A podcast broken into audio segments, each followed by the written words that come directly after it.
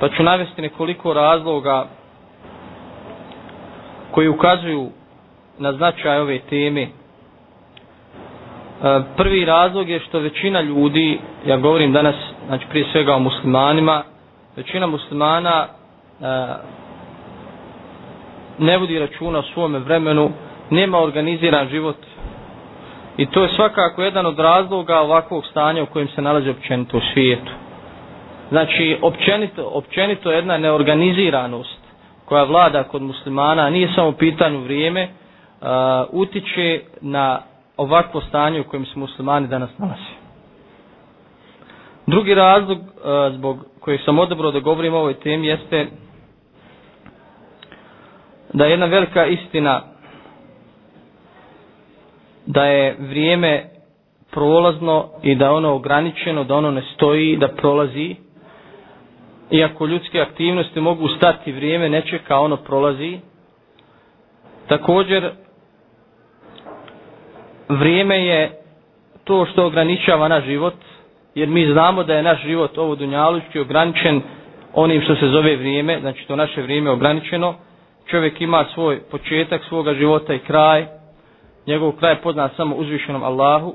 Znači mi smo ograničeni na ovome svijetu, E, ne možemo zaustaviti svoj život, svoje vrijeme, da bi se odmorili i da bi uzeli daha jel, za, za nove podvige i tako dalje.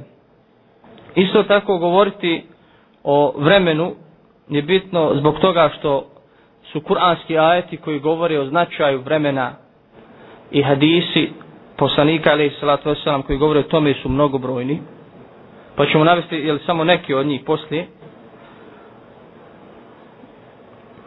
također nam je poznato da u ovom ograničenom vremenu i životu mi zarađujemo onaj svijet. To je jedna najbitnija činjenica koju trebamo imati na umu kada, kada želimo organizirati svoje vrijeme kada želimo razmisliti o svome životu. To je najbitnija činjenica koju trebamo uvijek imati na umu. Da je čovjek e, čovjekov, znači početak određen i njegov kraj određen, odnosno njegov život je određen vremenski. Ono što postigne u tome periodu, to će naći na onome svijetu. O sve ono što je prošlo ne može nadoknaditi i prema tome vrijeme je kapital. Vrijeme je, kako kažu jeli, u današnjem žargonu, vrijeme je novac Dok toga je bitno, draga braćo, da shvatimo neminovnost organiziranja vremena. Jer prije svega, musliman je ambiciozan. Musliman želi da bude koristan i za sebe i za društvo zajedničko koje živi na ovome svijetu, a to ne može postići ako nije organizirao svoje vrijeme i svoj život.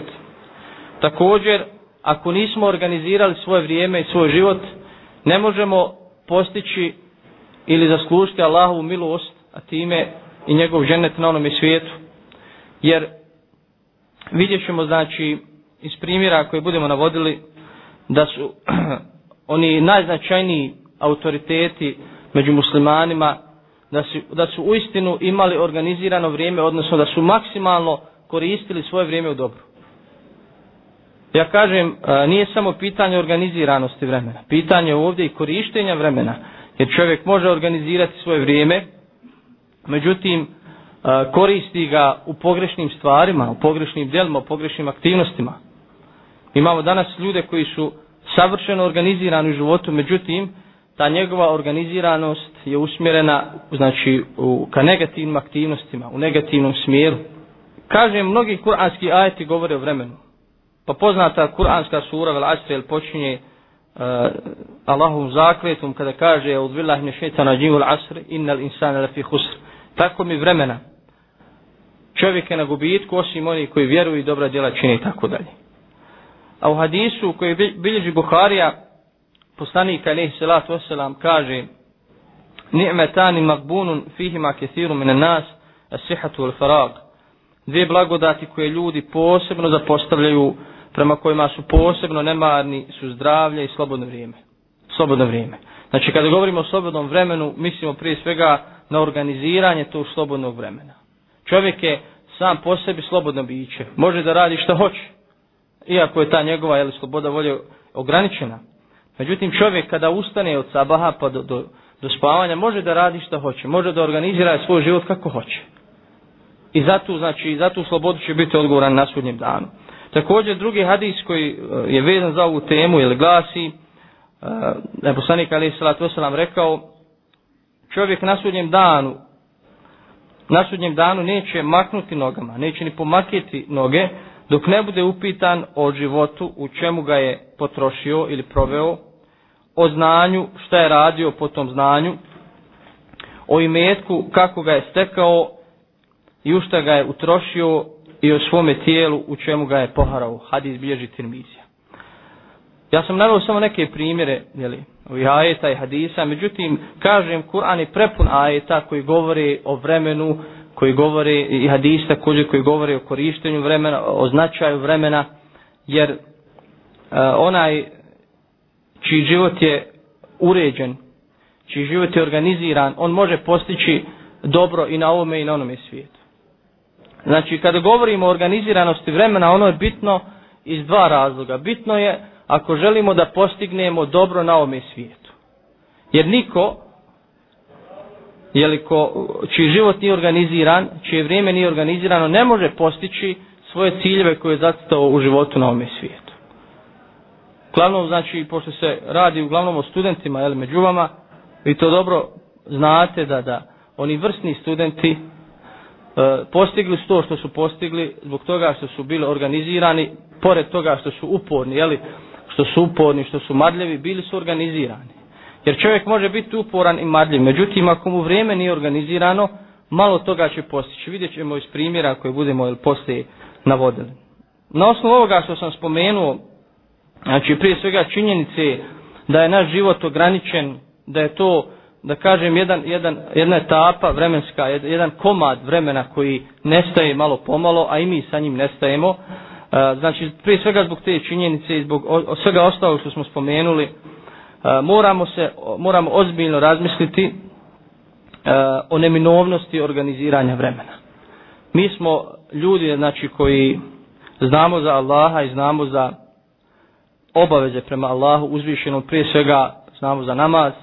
Uzvišeni Allah je i namaz propisao u određenim vremenima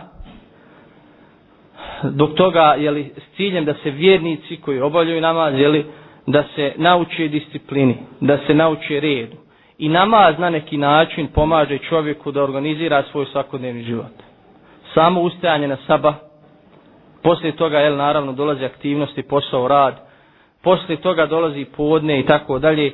Sve su to, znači sve to određeno i propisano s ciljem da čovjek uredi i organizira svoj život. Još jedna činjenica a, koja potvrđuje koliko je vrijeme značajno je činjenica da vrijeme koje prođe nikada se ne može vratiti.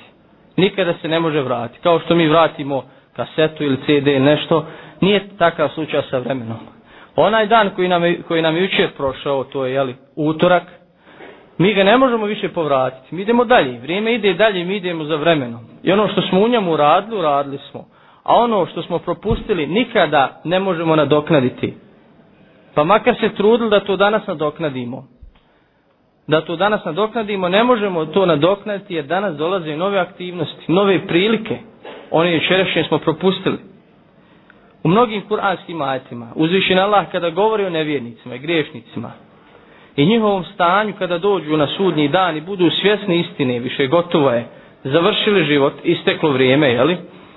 Eh, oni će tražiti od Allaha, kajaće se, žestoko će se kajati, tražit će od Allaha da ih vrati. Da vrati, da čine dobro djela. Kajaće se da smo Bog dosledili poslanika. Svjesni da su protračili tu priliku. I to je velika istina ko je svjestan, duboko svjestan te istine, on je postigao veliko dobro. Da čovjek ima samo jednu priliku, jedan život. Nema povratka. Znači, eh, mnogi skuranski ajat koji govore o tome da će se nevjernici prije svega kajati za to protračeno vrijeme što su slijedili svoje glavešine, što su slijedili svoje strasti, udovoljavali svojim strastima, nisu radili kako treba.